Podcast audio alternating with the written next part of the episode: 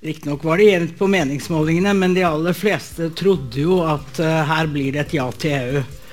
Og det var vel sånn han tenkte også statsminister David Cameron da han satte i gang dette.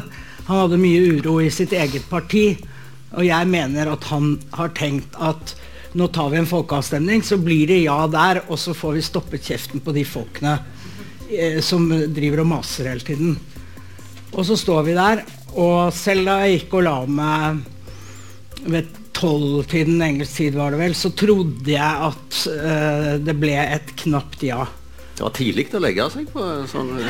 Ja, men når du skal opp igjen klokka tre, ja, ja, så, så, så, tar du gjerne de tre timene. Og så, og så våkner du opp, og så er det brexit. Og det var, det var utgangspunktet for boken min, for jeg tenkte hva var det som skjedde nå? NRKs tidligere korrespondent i Storbritannia, Anette Groth, har skrevet bok fra Storbritannia i ei brexit-tid. Nasnin Khan Østrem ga i fjor ut sin guide til Londons mangfold. De møtte journalist Tom Hetland til samtale på Kapittelfestivalen i 2020. Nasnin, vi begynner med deg. Eh, Undertittelen på boka di den eh, er lyder Blant gangstere, rabbinere, oligarker, rebeller og andre ektefødte barn av det britiske imperiet. Men eh, du kan jo òg sies å være et ektefødt barn av det britiske imperiet. Jo, Fortell litt om, om din, din, familiehistorie. Ja, jeg kan bruke opp hele, hele neste time. ja, jeg skal stoppe deg. hvis er, men Nei, hvordan skal man begynne? Jeg er jo født, er jo født i, i, Kenya, i Nairobi, um, som var jo en tidligere britisk koloni. Um, og mine besteforeldre utvandret altså De er opprinnelig pashtuner afghanere. Afghanistan er jo en veldig ung nasjon, um, en konstruksjon. men de reiste altså da til India og jobbet der. og der ble rekruttert videre av britene, som da selvfølgelig var koloni her i India, til å jobbe i britisk Øst-Afrika. I det som var den ja, administrasjonen eh, og embetsverket i Kenya. Så, sånn, derfor endte jeg opp å bli født i Kenya. Og så flyttet vi videre til Storbritannia. Mm. Og så til Norge? Og så til Norge, ja. Mm. ja. Flekkefjord? Ja. ja. Men eh, du, du, sier at eh, du har et hjerte i spagat mm. mellom Storbritannia, London og Norge. Mm. Og, og, du har jo reist mye fram og tilbake. Mm. Du studerte i London? Ja, jeg studerte internasjonale relasjoner på LSI, London School of Economics. Mm. Jeg lurer jo litt på når jeg leser denne boka, om du hadde tid til å studere i det hele. For, for det, det, det, det, virker jo ikke som at det er det konsertlokalet eller den restauranten eller det nabolaget som du ikke har besøkt, og som du kan beskrive. Ja, altså jeg, Selv mine venner i London er jo litt overrasket over hvor mye jeg har sett og gjort i den byen.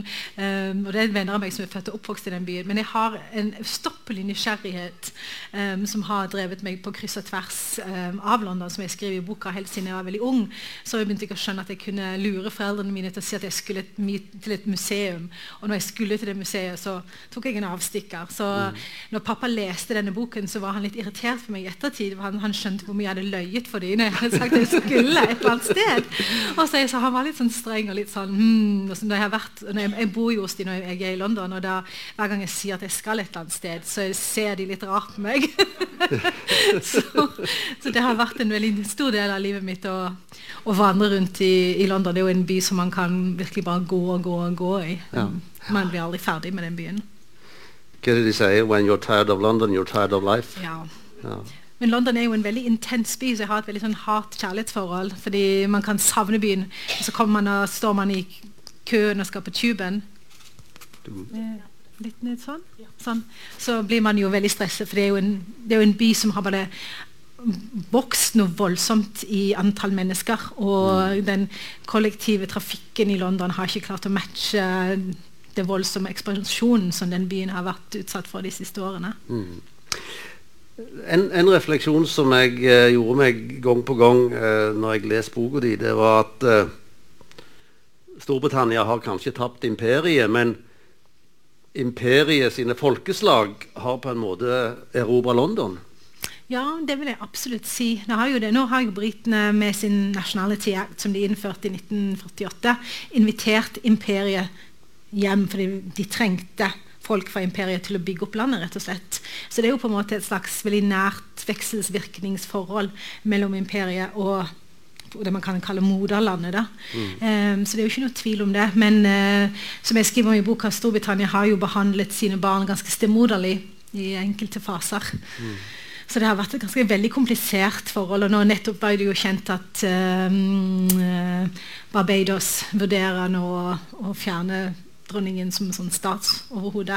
Mm. Så nå er vi jo midt i en veldig spennende situasjon hvor koloniene virkelig nå reiser seg opp og vil være selvstend 100% selvstendige. At arven fra kolonitiden og imperialismen skal vaskes vekk. Mm. Så det er en veldig interessant brytningstid som vi befinner oss inne i. Mm. Men, men, denne boka, da. Eh, det er jo et overflødighetshorn av lukt og smak og farge og musikk og språk. Eh, det er et enormt frodig London som du skildrer. Ja, London er jo, eh, det er jo verdens beste by å være i. Det er jo så mye man kan oppleve. Og, og ulike folke, så du, du, du tar dem for deg. Eh, ira, jøder, italienere og, og, og, alle mulige slags gamle imperiefolkeslag. Eh, mm. Ja, jeg hadde jo et veldig ønske om å vise fram et litt annet London enn det jeg følte veldig mange nordmenn kjente. fordi det, som vi vet er det jo fryktelig mange nordmenn som reiser til London. Men veldig ofte i samtaler med mine norske venner så opplevde jeg en slags at jeg visste ikke hva slags London de snakket om. Det var ikke det samme London vi opplevde. Mm. Så jeg følte det var et voldsomt behov. Så jeg er jo gammel journalist, så det var liksom det var den folkeopplysningens ånd. Mm. så fant jeg ut at jeg hadde lyst til å skrive en bok om London og jeg viste det mangfoldet som eksisterte. Eh, for jeg syns det var et litt sånn eh, forenklet London som ble presentert veldig ofte, mm. og som de oppsøkte. Eh, så de tilbakemeldingene jeg har fått fra folk, er jo at jeg har åpnet en, en ny by til dem. Eh, noen som har bodd lenge i London, har vært glad for at jeg har klart å skildre den byen de også har kjent. Mm. Um, fordi det er jo en by som altså Hele verden fins i London, og det er derfor jeg tror vi liker å være i den byen. Så hvem som helst som kommer fra hvilket som helst land, kan kjenne seg igjen og møte seg sjøl og sine i den byen. Mm. Og det er det som gjør den byen så makeløs, vil jeg si. Mm. Så, så, er det jo noen grupper som har vært der veldig lenge. Uh, og så er det de som, som kom med, med imperiet. Og så er det noen nye grupper eh, som har kommet i, i eh, senere år. Det er ikke akkurat underklassen heller. Altså, du skriver jo om, om, om de nye russerne som eh, har gjort sitt inntog i London, f.eks. Ja, russerne i London veldig, var en veldig forunderlig gruppe å, um, å, jobbe med. fordi når jeg begynte å ta kontakt med russere i London, så var de egentlig veldig skeptiske til meg. Og de var veldig sånn nå skal du lage enda en skandalereportasje om russere. Jeg vil ikke snakke med deg. Var veldig negative. Men heldigvis gjennom ganske nitidig kildearbeid så møtte jeg en russer som åpnet ganske mange dører for meg. Som gjorde at jeg kunne blant annet intervjue han som driver Hedonism Wines i London. Um, og da plutselig så skjønte jeg at det var veldig komplekst. Eh, fordi du har den, den, den politiske situasjonen i, i, Russland, så var det en ganske kompleks, mangfoldig gruppe russere i mm. London. Og jeg skjønner jo for de britiske aviser så blir russere hundset, og de blir lagt altså de blir, de blir liksom tabloid fremstilt. Men det hjelper jo ikke, fordi de er bl.a. den rikeste gruppen i London og har kjøpt store deler av den byen. Og du har Abramovic, og du mm. har disse veldig laude russerne, selv om de er litt mer nedtonet nå enn de var før. Mm. Eh, men de er en forunderlig, forunderlig gruppe. Men, eh, men russerne har jo en lang historie i London. Det er det også som er litt sånn fascinerende. Du, du, du, har jo en skildring av et ball som omtrent kunne vært tatt ut av en, en Tolstoy-roman fra uh, Tsar-Russland. Ja, nei, det var, det var, bare en helt sinnssyk opplevelse å få lov å komme og være en del av det ballet der. Eh, å se den velstanden og den, altså hvor sofistikerte de var, og hvor elegante de var. og Der var jo denne fremste av russisk kultur ble presentert gjennom ballett og musikk og dans. Så bare skjønner du at uh, altså Russland er jo en helt fantastisk nasjon, men de blir presentert på en litt uh, uheldig måte, vil man si i mediene. Så um, det ballet der, det var, det var en drøm. mm. Men av alle disse gruppene, er det noe som, som heller de sammen. Som, som, som, du kan si eh, gir de til londonere, britiske borgere, tross alt.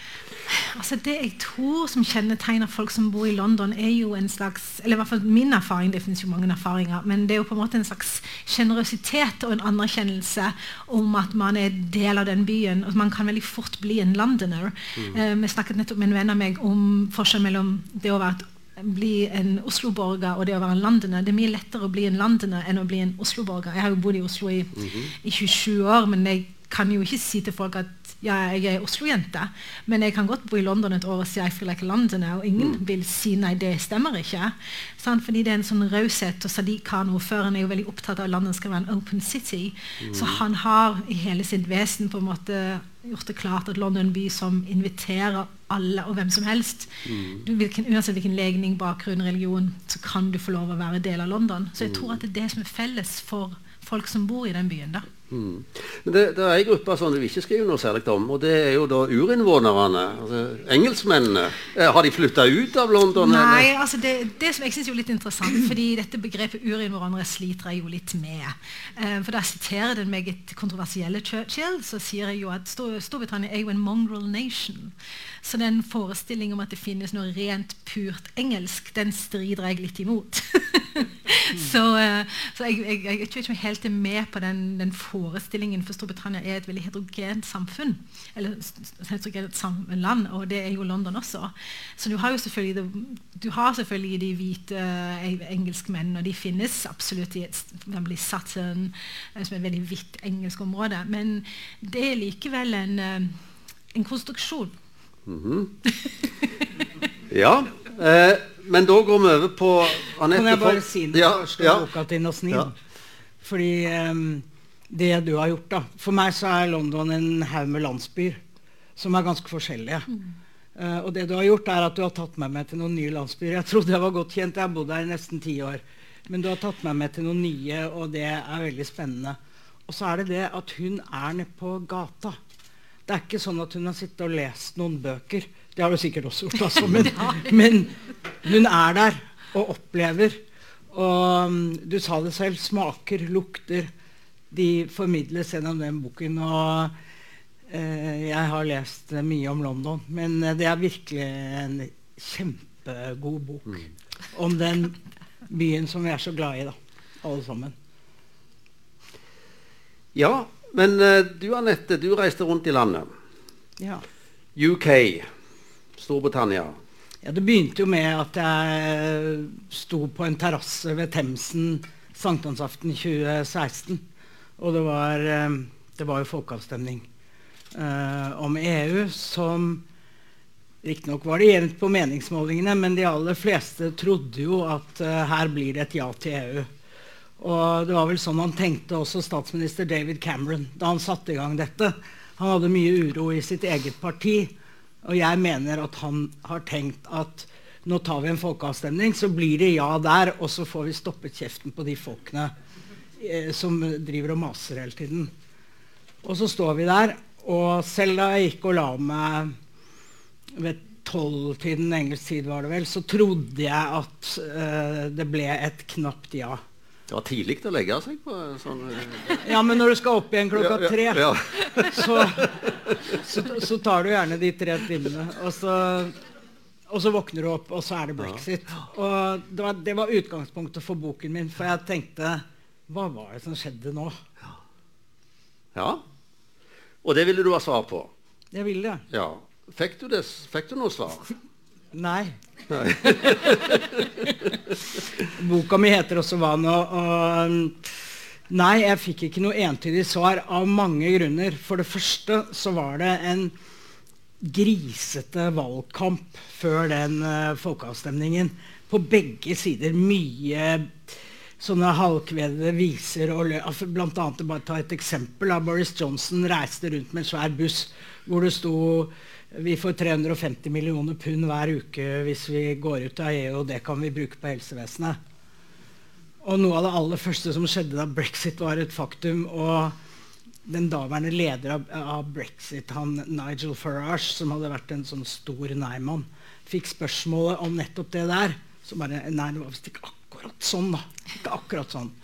Og sånn hadde det vært hele tiden veldig mye argumenter om hvor grusomt og alt som ville vederfares britene hvis de gikk ut, eller hva som eh, ville skje dem eh, hvis de ble. Altså Det mente jo da disse nei-folka. At, eh, at nå har vi snart ikke noe, noe, makt igjen her i Storbritannia. Det er EU som bestemmer alt.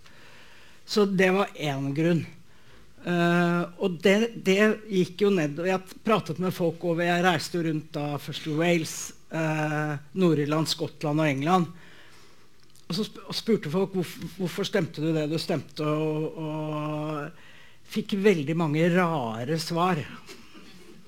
Uh, innvandring var det som alle hadde sagt var mest det de var mest mot. Men det måtte jo da i tilfelle være innvandring fra EU. Altså polakker og folk fra EU-land som kunne reise fritt inn. Men jeg fikk masse svar om muslimske innvandrere og hvor vanskelig det var med dem. Og, og hvordan de ikke bidro i samfunnet. Ja, så sier jeg det har jo ikke noe med EU-avstemningen å gjøre. Nei, men vi er mot det. Så jeg fikk en del sånne svar. Og um, også sånne klisjésvar om at vi har mistet all makt. Parlamentet vårt er ikke fritt lenger. Altså Den typen svar. Mm. Men i motsetning til deg, da, så satt jeg oppe hele natta og så på BBC eh, sin sending. Eh, og, og, blant annet så, eh, så, var det da reportasje fra Nord-England. Eh, om folk som ikke hadde brydd seg med å stemme eh, siden Margaret Thatcher, men som nå hadde møtt fram og stemt for brexit. Hvordan tror du de tenkte? Uh, jeg tror at uh, veldig mange av dem tenkte det samme som en del folk i rustbeltet i USA har tenkt. Altså folk i tradisjonelle industrier. Jeg opplevde mye av det samme i gruvesamfunnet i Wales. De var Er det ingen som setter pris på det vi har gjort? I deres område var det stor arbeidsløshet. Det var fabrikker som var nedlagt. Um, de følte at de rett og slett ikke ble anerkjent. Så det var en, en, et protestvalg. Mm. En anledning til å vise fingeren til makta på en Nettopp. måte. Ja. Ja. Og det var det de gjorde. Og ja. i, i, ganske så stort omfang. Ja. Eh, nå eh, Boris Johnson da, eh, skal ha sagt at, eh, for å vende litt tilbake til London, eh, at eh, ja til brexit var kanskje like mye en stemme mot London som mot Brussel. Og Det er jo en dimensjon vi kjenner fra de norske EU-debattene òg. Altså sentrum, periferi og Oslo har jo vært massivt for EU. Og jo lenger du kommer fra Oslo, jo større er nei-prosenten. Eh, ligger det noe her òg? Ja, ja, absolutt. Det var, og det var jo noen veldig tydelige akser der. Det var eh, det var by mot land. Eh, det var unge mot Altså, folk i byene stemte for EU. På landet hadde de større tendens til å stemme mot. Unge stemte for. Eh, eldre folk stemte mot. Um, og det den, eh, Og det var veldig ganske tydelige skiller. Eh, altså ungdom i byene som studerte, kanskje, og som er vant til og utvekslingsstudenter og alle sånne ting, det falt dem ikke inn å skulle stemme nei til mm. EU. For det, det, åpnet jo opp et helt Europa for dem. Mm. Mens de som da f.eks. bodde på landet og følte at de var blitt akterutseilt, de tenkte at kanskje klarer vi oss best selv. Mm. Ja, for I de bokene det er jo ikke mange brexit-tilhengere der som du møter? Nei, det er jo noen polakker da, som, vil, ja, ja. som jeg skriver om, som er brexit-tilhengere. Men jeg synes det, det, er ganske interessant hvordan altså, Jeg begynte å skrive den boken når det, mm, i forbindelse med avstemningen. og på en måte, det, det, var på en måte et hav av hat, eller jeg pleier å omtale det som et blekksprut av hat, som på en måte eksploderte i, i Storbritannia. Hvor, nettopp disse, hvor man satte folkegrupper, eller folk opp mot hverandre. Som jeg syns var egentlig noe av det mest, mest skremmende med brexit. Det, det var et Storbritannia jeg ikke kjente igjen igjen, og en måte å snakke om også dem på som jeg ikke mm. kjente igjen. Um, som jeg syntes var veldig skremmende. og Forskjellige grupper ble satt opp mot hverandre. altså Polakker mot altså Du fikk de nyankomne som polakkene ble satt opp mot kariberne og inderne. Um, og jeg som på en måte en slags brite eksil oppdaget at jeg plutselig også begynte å snakke ned østeuropeere når jeg snakket med mine indiske eller karibiske venner. Og det var jo bare sånn Å gud, jeg er også rammet av den mentaliteten. Og det var jo en sånn skremmende opplevelse å skjønne at man at vi så på oss selv som briter og østeuropeere var østeuropeere og de som hadde laget dette problemet for oss. Mm. Eh, så det var på en måte noe som snek seg inn, og som Anette sier veldig bra i forhold til at det var en skitten, skitten valgkamp med Dominic Cunnings og for noen av dere som har sett den filmen 'Brexit', hvor du har um, Benedict Cumberbatch som sitter og lytter ned på grasroten, og han sier hele tiden i den filmen, for han kan høre folk rope. Mm. det, sånn, det, var jo en helt bisarr opplevelse hvordan en liten gruppe mennesker klarte å røre opp så mye skepsis mot EU. Så det ligger jo latent i britene fra før.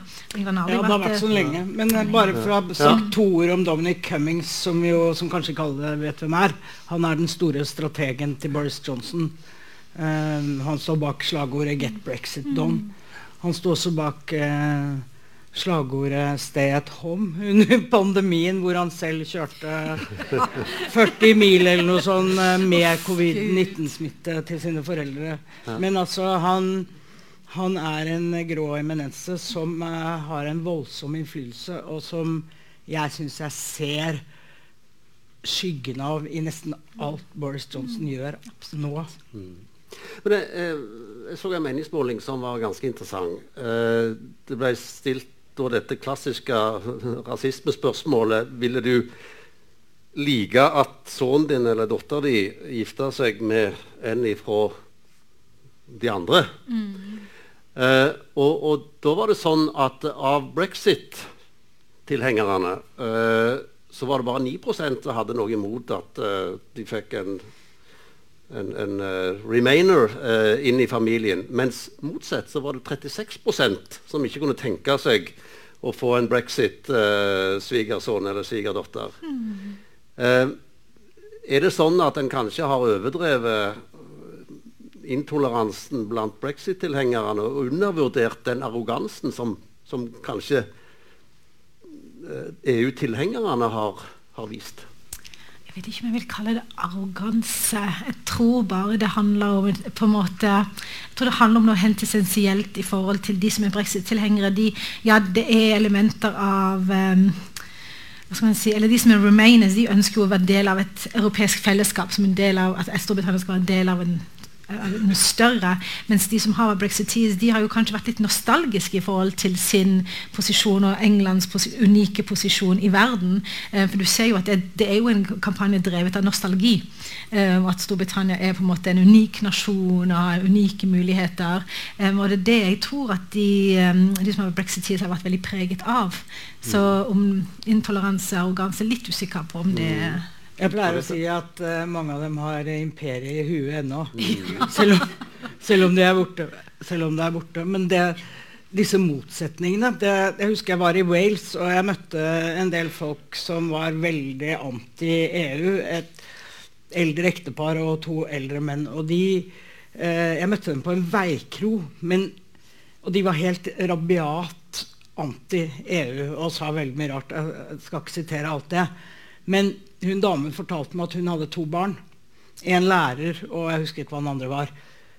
Men, og det fikk meg tilbake til Norge i 1972. For det, de av dere som husker, var jo familier som ble splittet pga. EU-avstemning her.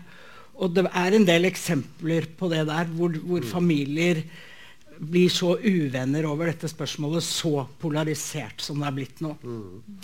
Uh, David Goodhart uh, har skrevet en bok uh, som heter 'The Road to Somewhere', der han introduserer uh, to, to, grupper som han kaller for 'anywheres' og 'somewheres'. Mm. Altså 'Anywheres' det er de som egentlig kan bo hvor som helst. Kosmopolitiske av, av, av livsinnstilling. Åpent for, for nytt, og, og, har gjerne jobber som gjør at de kan bo hvor som helst. Mens uh, Somewheres er da mye mer knyttet til, til nasjonen, til lokalsamfunnet der de bor, til, til tradisjoner, familie osv. Og, og han bruker det da som en forklaring på, på den splittelsen som, som, eh, brexit førte med seg. Er det en, en teori som har noe for seg, uh, tror dere? Well, Theresa May hadde jo absolutt brukt jo dette veldig tydelig, at hun, mm. var, hun var imot folk som var anywhere. Så hvis ikke du sa du var fra et sted, så var du ikke å regne med på nesten yeah, på en if måte. you are a citizen of the world, you are a citizen of nowhere. No, no, nowhere ja. Ja. Mm. Så hun brukte jo den tankegangen. Men jeg, igjen syns jeg det er en veldig sånn forenkling av å forstå forstå brexit. For meg handler brexit veldig veldig mye gjennom Storbritannias unike posisjon og veldig mange forestillinger om at, um, om at Storbritannia kan gjøre som de vil, fordi de har vært et av verdens største imperier. Um, og de, ønsket, altså de har alltid vært skeptiske til EU fordi de ønsket å ha en mye mer liberal handelsavtale enn de kunne gjøre med EU. Um, så det er på en måte, det, For meg er det det som forklarer brexit mye mer enn anywhere in somewhere. Så igjen er det på en måte det er på en måte å skape en splittelse mellom folk. Fordi jeg tror, jeg tror, ikke at noen er enten anywhere eller somewhere. Det er en veldig sånn forenkling av folks lojalitet. Um, så jeg har aldri vært helt komfortabel med den, med den måten å se verden på. Um, og jeg, jeg, kan skjønne Storbritannia har så Det eneste gangen jeg blir litt nasjonalistisk, er når jeg snakker om Storbritannia. For jeg har egentlig ikke en, pleier å si at jeg har ikke nasjonalistisk fiber i kroppen min. Men jeg et visst punkt så kan jeg forstå hvorfor britene tenker som de gjør. Fordi Storbritannia har jo vært et helt fantastisk imperie. alt uh, det her, så det høres kanskje veldig politisk ukorrekt ut i disse tider. Men uh, det er et eller annet med deres posisjon som jeg kan skjønne behovet for å finne sin egen plass på nytt igjen. Mm. Um, Make Britain great again. Ja. Mm. ja. Kanskje få vi sånn caps. ja. Hva tenker du, Anette? Nei, jeg, jeg, jeg, kan bare underskrive det Nasnin sier. Og som sagt at det å få imperiet ut av hodet tar sin tid. Og det sitter i menneskene. Og um, du hører jo på Jeg har vært en god del i Underhuset og hørt på debatter. Og det er jo, du hører jo ting der som, som understreker at folk tenker at vi er noe helt for oss selv.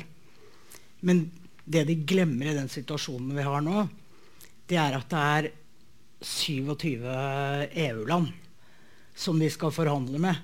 Og det er klart at et land som Irland, eksempel, som jo er et uh, ihuga EU-land, var jo kolonialisert av Storbritannia helt opp til 1920-tallet.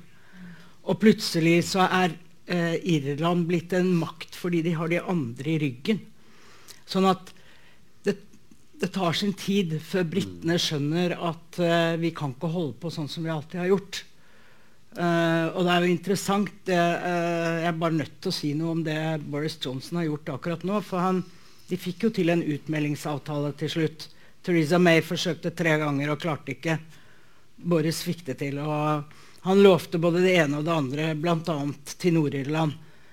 Og så har de da den utmeldingsavtalen som er uh, vedtatt og så bare kommer han opp med en ny avtale eller en ny lov som sier at den utmeldingsavtalen kan vi sette litt til side hvis det ikke passer oss.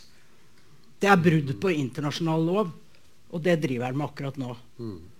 Det, det, sier noe om tankegangen. Jeg leser Dominic Cummings bak der, og det er et høyt spill, dette her. Veldig høyt spill, og det er eh, for meg som da er helt nerdete på dette her, så er det veldig spennende å følge med på hva som kommer ja, til å skje nå. Ja, for, for, for, du skrev jo de bok mens uh, Theresa May ennå var statsminister. og du, du, er for så vidt ikke helt heldig med et uh, sitat av Boris Johnson. Der han uh, uttalte at mine sjanser til å bli statsminister er omtrent like gode som å finne Elvis på Mars. Det var ikke jeg som var heldig, det var ja, ja, han som var uheldig. Ja, ja, ja, ja. Men jeg mener, hvis du først skulle plukke ut et sitat fra han, så var kanskje ikke Ja, ja, det var kanskje typisk. Men, men nok om det. Men, men iallfall um, ehm, Han har spilt seg selv ned mange ja, ganger, og ja, så opp igjen. Ja da, absolutt. Uh, og nå er vi for så vidt inne på det. Uh, altså, hva tenker dere, og, og, og du Nastin, har jo heller ikke fanget opp den aller siste utviklinga i de bok, men, men, hva tenker dere om den utviklinga som, som, har skjedd de siste ett til to åra. Uh, altså, jeg, jeg, tror veldig mange hadde sånn altså, Jeg kjenner jo folk som stemte altså, som, som var remainers, som likevel hadde sånn lønnlig håp om at Boris skulle dra dette i land. Altså man hadde, ok, Han hadde blitt statsminister, ok, vi, nå må vi jo bare stole på at han gjør det han skal. Som jeg tror de har blitt veldig desillusjonert over det som har foregått. altså Hans manglende evne til å håndtere covid-krisen har vært veldig, veldig uh, sjokkerende tror jeg, for veldig mange. Og nå med dette siste utspillet med Nord-Irland og hva han holder på med nå. Men samtidig så jeg, viser det igjen at jeg vil si at brexit er egentlig et spill for de herskende klasser. Og det er det jeg synes er så interessant i den brexit-filmen som Benedict Cumber spiller i. Der viser de veldig aktivt hvordan de altså, Man kan virkelig bruke de herskende klasser når man snakker om Storbritannia. Hvordan de på en måte spiller ut brexit for at det skal tjene de og deres maktspill. Og så får de, til å, får de det til å høres ut som de gjør det for folk flest. Mm. Men det er jo ikke sant. Dette brexit handler om igjen om noen, noen, noens gruppers inntjening og måte å organisere samfunn på som tjener de i veldig stor grad, ikke folk flest. Mm. Vil du si at en mann som Nigel Farage representerer de herskende klasser i Storbritannia? Ja, han er jo en, han er jo, står jo de veldig nært på mange måter. Ja. Men han er jo en klovn, så ja, ja, det, men, eh, det kan man trygt si. Men jeg syns at det, det, viser noe og jeg, Dominic Cumming, som vi kommer alltid tilbake ja. til Jeg skulle gjerne ha vært på et, et, rom sammen med han og Boris Johnson, hvordan de snakker. For det er et høyt politisk spill som vi ikke altså Hver gang Boris gjør et eller annet, så er, sitter man og tenker at det kommer et nytt kort. Han har hele tiden noe rart på gang, og noe som vi aldri kan forstå konturene av, egentlig. Um, Men han var jo en vinner, så absolutt. Altså, Theresa May fikk jo ikke denne avtalen igjennom. Mm. Uh, Boris, Først så ble han jo da valgt til leder. Så fikk han den avtalen gjennom i Underhuset. Og så klarte han jammen å få et svært flertall da han skrev ut nyvalg i, i Underhuset. Det har nok krympet noe, tror jeg, de siste årene. Men han var jo virk... nei, de siste månedene. Men han var jo en, en vinner. og jeg er jo veldig spent på hvor mye av dette han klarer å ødelegge nå. Altså, Koronakrisen var én ting. Han var jo, gikk rundt og håndhilste. og Mine venner i London var jo på puber og satt på overfylte tuber og sånn, mens vi satt her og var aleine mm. hjemme. Så, sånn at det er jo um, han, han måtte jo bli syk selv. Det var jo da alvoret gikk opp for han. Og da gikk det for alvor opp. Men det er altså gått over 40 000 mennesker i Storbritannia som har dødd av covid-19. Og som sagt, han var en vinner, men han har gjort veldig mange feil nå. Mm. Og, og, hvor ender det? Og jeg tror det at hvis han gjør veldig mange feil, så går det jo utover britene. Mm, det gjør det. Mm. Men uh, altså, som du sier, han, han, han, uh, han vant jo valget. Og, uh, og ikke minst pga. at de konservative gjorde store innhogg i tradisjonelle Labour-kretser i nord, som, som, hadde stemt for brexit. Uh, tror du at uh, de konservative vil være i stand til å holde på disse, uh, disse gevinstene, eller er det bare et, et, en, en parentes at vi vil gå tilbake til et tradisjonelt politisk landskap? Det er vanskelig å si, men han, denne omstridte nye loven som setter til side denne utmeldingsavtalen og avtalen om Nord-Irland og alt det der, den har en gang nå vært behandlet i parlamentet som foreløpig behandling. Mm. Han klarte å få med seg nok av sine til at det fikk flertall der. Men samtidig så har han jo sentralisert partiet veldig mye.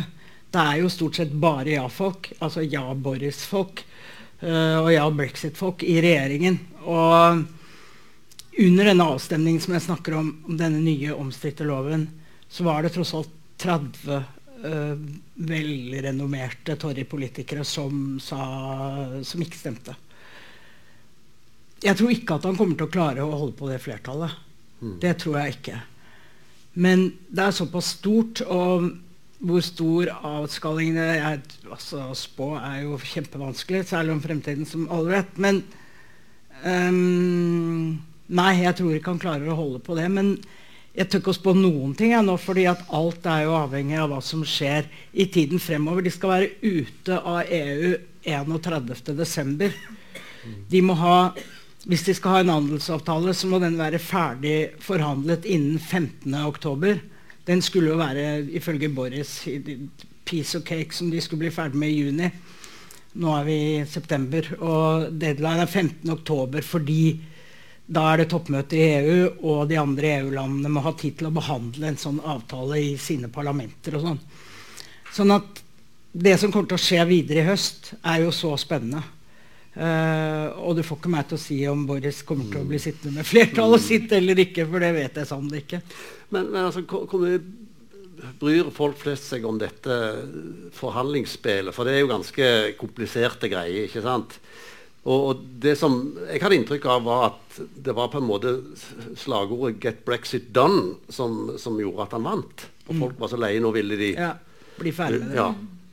Det tror jeg det tror jeg for så vidt er riktig. Men det er klart at det kommer litt an på hvor du spør. Hvis du drar til Skottland, så er, de, så er de livredde og jobber beinhardt, veldig mange, for å prøve å få en ny folkeavstemning om et selvstendig Skottland. Og når jeg snakker med mine venner i Nord-Irland, så er de livredde for at man igjen skal få en grense mellom nord og sør på den irske øya. Første gang jeg kom dit, så var det, da var det jo krig. Det er en grense som er 50 mil lang. Det er 350 crossings. Alt var stengt, øh, med unntak av noen få veier hvor det sto britiske soldater med sånne trær på huet og sånn. Og kamuflasjeuniformer og sjekket alle som skulle over. Siden fredsavtalen i 1998 så har det vært fri ferdsel. Du aner ikke hvor du er hvis du ikke ser på skiltene og ser om det står noe med irsk skrift. Uh, for da vet du er i republikken. Ellers så er det, det er helt umulig å vite det. Det har jo vært interessant å få med seg hvordan uh, at denne, denne, denne brudd på avtalen har jo vært et tema i USA også. Fordi Joe Biden har plutselig kommet fram, har jo irske mm. røtter. Han har sagt at det er helt uaktuelt at man holder på slik, fordi man vil ikke, man vil ikke ha en, en, en sånn hard stopp innført igjen. og han, Det har vært veldig interessant å se Kommentatorene i Storbritannia har jo sagt at uh, Boris virker helt, helt, ignorant når det gjelder hvor viktig den irske arven til Joe Biden er. For han engasjerer seg så veldig i denne saken her pga. at han er, vil ikke ha uro i Irland og Nord-Irland igjen. Mens Trump har jo vært en veldig stor tilhenger av brexit. fordi mm.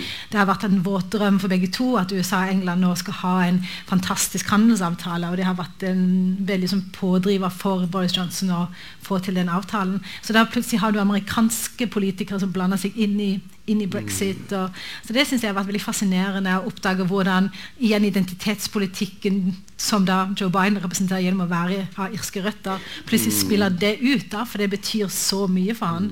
Så her har du et, det er et veldig sånn komplekst saksfelt. Det, det, er jo gammelt, dette nære forholdet mellom ja. Storbritannia USA har jo vært interessert ja. i det her lenge, ja. og fredsavtalen fra 1998 var jo altså, om Nord-Irland og krigen i Nord-Irland var jo mm. sterkt påvirket av, uh, av USA. Mm. Men jeg, Biden gikk så langt som til å si at det blir ikke noen handelsavtale med mm. USA hvis uh, dere driver og, og, og opphever den loven, den uh, utmeldingsloven. Så der er det jo også veldig både har motstand og veldig vanskelig å forutsi hva som men, men, kommer til å skje men eh, la oss si at det blir en avtale som britene og, og, EU vil slå seg til ro med. Eh, eh, eller kanskje ikke. Altså, er, er, dette et spørsmål som, som vil ri eh, Storbritannia som ei mare framover, med, med, stadige krav om omkamp? Eller, eller er det sannsynlig at, at britene vil slå seg til ro utenfor EU? Igjen så kommer det vel an på hvem du spør, men det er klart at uh, særlig folk i næringslivet er jo veldig redde for hva dette vil føre til. Fordi at altså Hvis du får en avtale som er regulert og alt det der, uh, så vil det bli mindre, mindre, vanskeligheter. Men det store sverdet som henger over dem nå, det er jo at det ikke blir noen avtale. Mm. Altså no deal. Og da snakkes det jo om køer ved Dover og tollbehandling her og der. og Eh, det er jo da eh, store bedrifter i Storbritannia som har sagt fra at hvis det blir en no deal, så kan ikke vi mm. være her. Mm. Og det er jo også flere bedrifter som har flyttet sine hovedkontorer nedover på kontinentet. Fordi de er redde for hva som vil skje i en sånn uh, situasjon. Uh, omkamp Ja, i Skottland vil du få det helt ja. sikkert. Fordi, og der, er de, altså, der har du jo en, en sånn delregjering og hun som leder den, som heter Nicholas Sturgeon, Hun har nå sagt at vi vil ha en ny folkeavstemning, og hun har sagt åtte måneder så skal hun legge frem en plan for hvordan de skal få til det. Uh, ja. Ja, og så det er bare Ja. å gjøre det ferdig. Og så, så det er klart at man må ha regjeringens samtykke for å ha en folkeavstemning eh, om selvstendighet i Skottland. Det fikk de i 2014, da de hadde det sist. Samme David Cameron som sa ja til brexit-avstemningen. Han sa først ja til eh, Skottland-avstemningen, og det var noe av det samme. Disse selvstendighetsfolka, nå må vi få dem til å være stille. Og i det tilfellet så vant han jo. Det var kanskje erfaringer fra Skottland som gjorde at han vågte å lyse ut brexit-avstemninga. Ja. Kanskje det. Mm. Vi. Ja. Jeg får ringt ferdig Ja. Ja. Nei, eh, kanskje, men altså da, I 2014, da de hadde folkeavstemningen om Skottland, så hadde, var, jo, var det jo ikke noe brexit ennå. Og det ble 55 som sa ja til å være i den britiske unionen. Prosent, 45 sa ja til selvstendighet. Nå har de tallene snudd. Så nå er det et flertall for selvstendighet i Skottland. Og de kommer ikke til å få noe ja fra Boris for, til en folkeavstemning, men hvis det, eh, nasjonalistpartiet i, i um, Skottland får veldig stor oppslutning, så kan det være, bli sånn at um, Skal vi se uh, Slå da, du. Så kan det bli sånn at parlamentet sier til regjeringen at hør her, nå er det, nå er det såpass eh, mange i Skottland som ønsker den folkeavstemningen. Vi vil at de skal få den, og at de kan overkjøre regjeringen. Det er et scenario. Du Ja, har jo der er- også det ja. ja. Mm, Der er jo et sånn forvitrings- eh, eller oppløsningsscenario uh, inne i diskusjonen òg. Altså at ja. Skottland uh, blir selvstendig, at Nord-Irland og republikken blir samla. Altså, hvor, hvor sannsynlig er det at en sitter igjen med England og kanskje Wales? Ja, jeg pleier jo ofte når jeg holder foredrag å slutte med det. Uh, som kan ende med Little Britain, som er for øvrig er en Som for øvrig er en veldig god uh, komiserie. Men uh, Nei, altså Det er jo uh, muligheter innen lovverket også for at du kan få et forent Irland. Og det kravet har jo blitt sterkere etter brexit. Og også fordi at de er redde for denne grensen som skal komme. For det som nå skjer, er at det er helt sømløst. Og de samarbeider på masse områder. Det er landbruk, det er skoler, det er haugvis av områder hvor, hvor republikken Irland og Nord-Irland samarbeider, som jo har vært enkelt når de har vært i EU begge to, men som kan bli vanskelig. I langfredagsavtalen fra 1998, da det ble fred i Nord-Irland, der åpnes det for en folkeavstemning om et forent Irland hvis, eh, hvis befolkningen i Nord-Irland vil det. Så det er klart at eh, det, er ikke noe, det er ikke noe kort lerret, men eh, det, det ligger der. Men jeg tror du kan ikke si at du vil få økt selvstyre, men en, en oppløsning det ser jeg absolutt ikke for meg at, det, at de vil tolerere det sentralt, men at du kan få økte, økt selvstendighet. Det, er jo- det tror jeg er ganske sannsynlig. At det trykket vil komme. En, en ting som Det du sa, uh, Anette, om næringslivet. altså Vanligvis så, så tenker vi oss jo de konservative som næringslivet sitt parti. Men, men her uh, har tydeligvis de store bedriftene da ikke noe særlig innflytelse over de konservative sin politikk. ikke det Nei. litt paradoksalt? Jo, det er paradoksalt. Og det er jo det som er så rart med hele brexit-situasjonen, at mye som han har tenkt ville vært naturlig, ikke er det lenger. Eh, men det er klart at næringslivet i Europa og i EU er jo veldig tett sammenfiltret.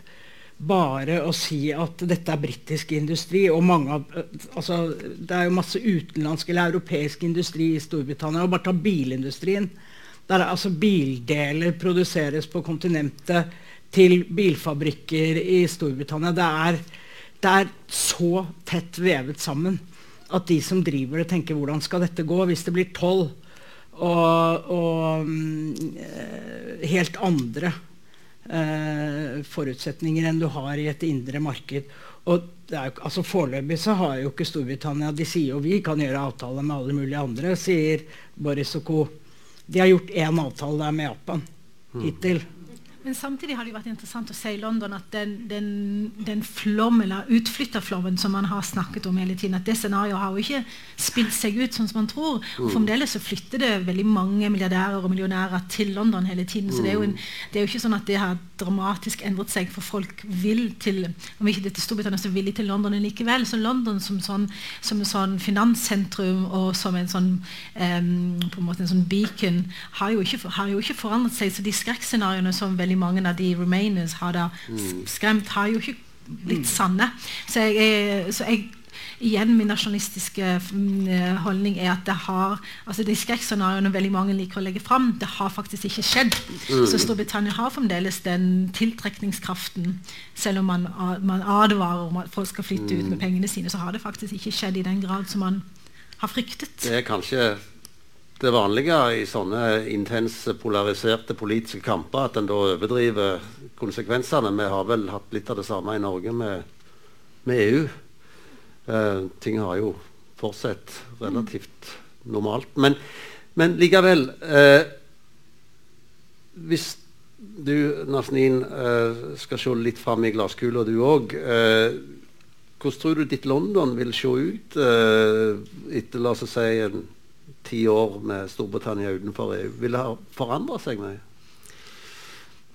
Igjen, altså, Spåkuler er vanskelig, men jeg tror jo at London kommer til å forbli London. Fordi det er et, en by som igjen har den holdningen at alle er velkomne. Um, og den, den, er så viktig økonomisk. altså jeg tror Uansett når Storbritannia trekker seg ut av EU, så vil Storbritannia ha en viktig posisjon. Og London vil alltid ha en det var jo Politikerne som ønsket at London skulle bli et finanssentrum, vil alltid være attraktiv for folk som, som har penger.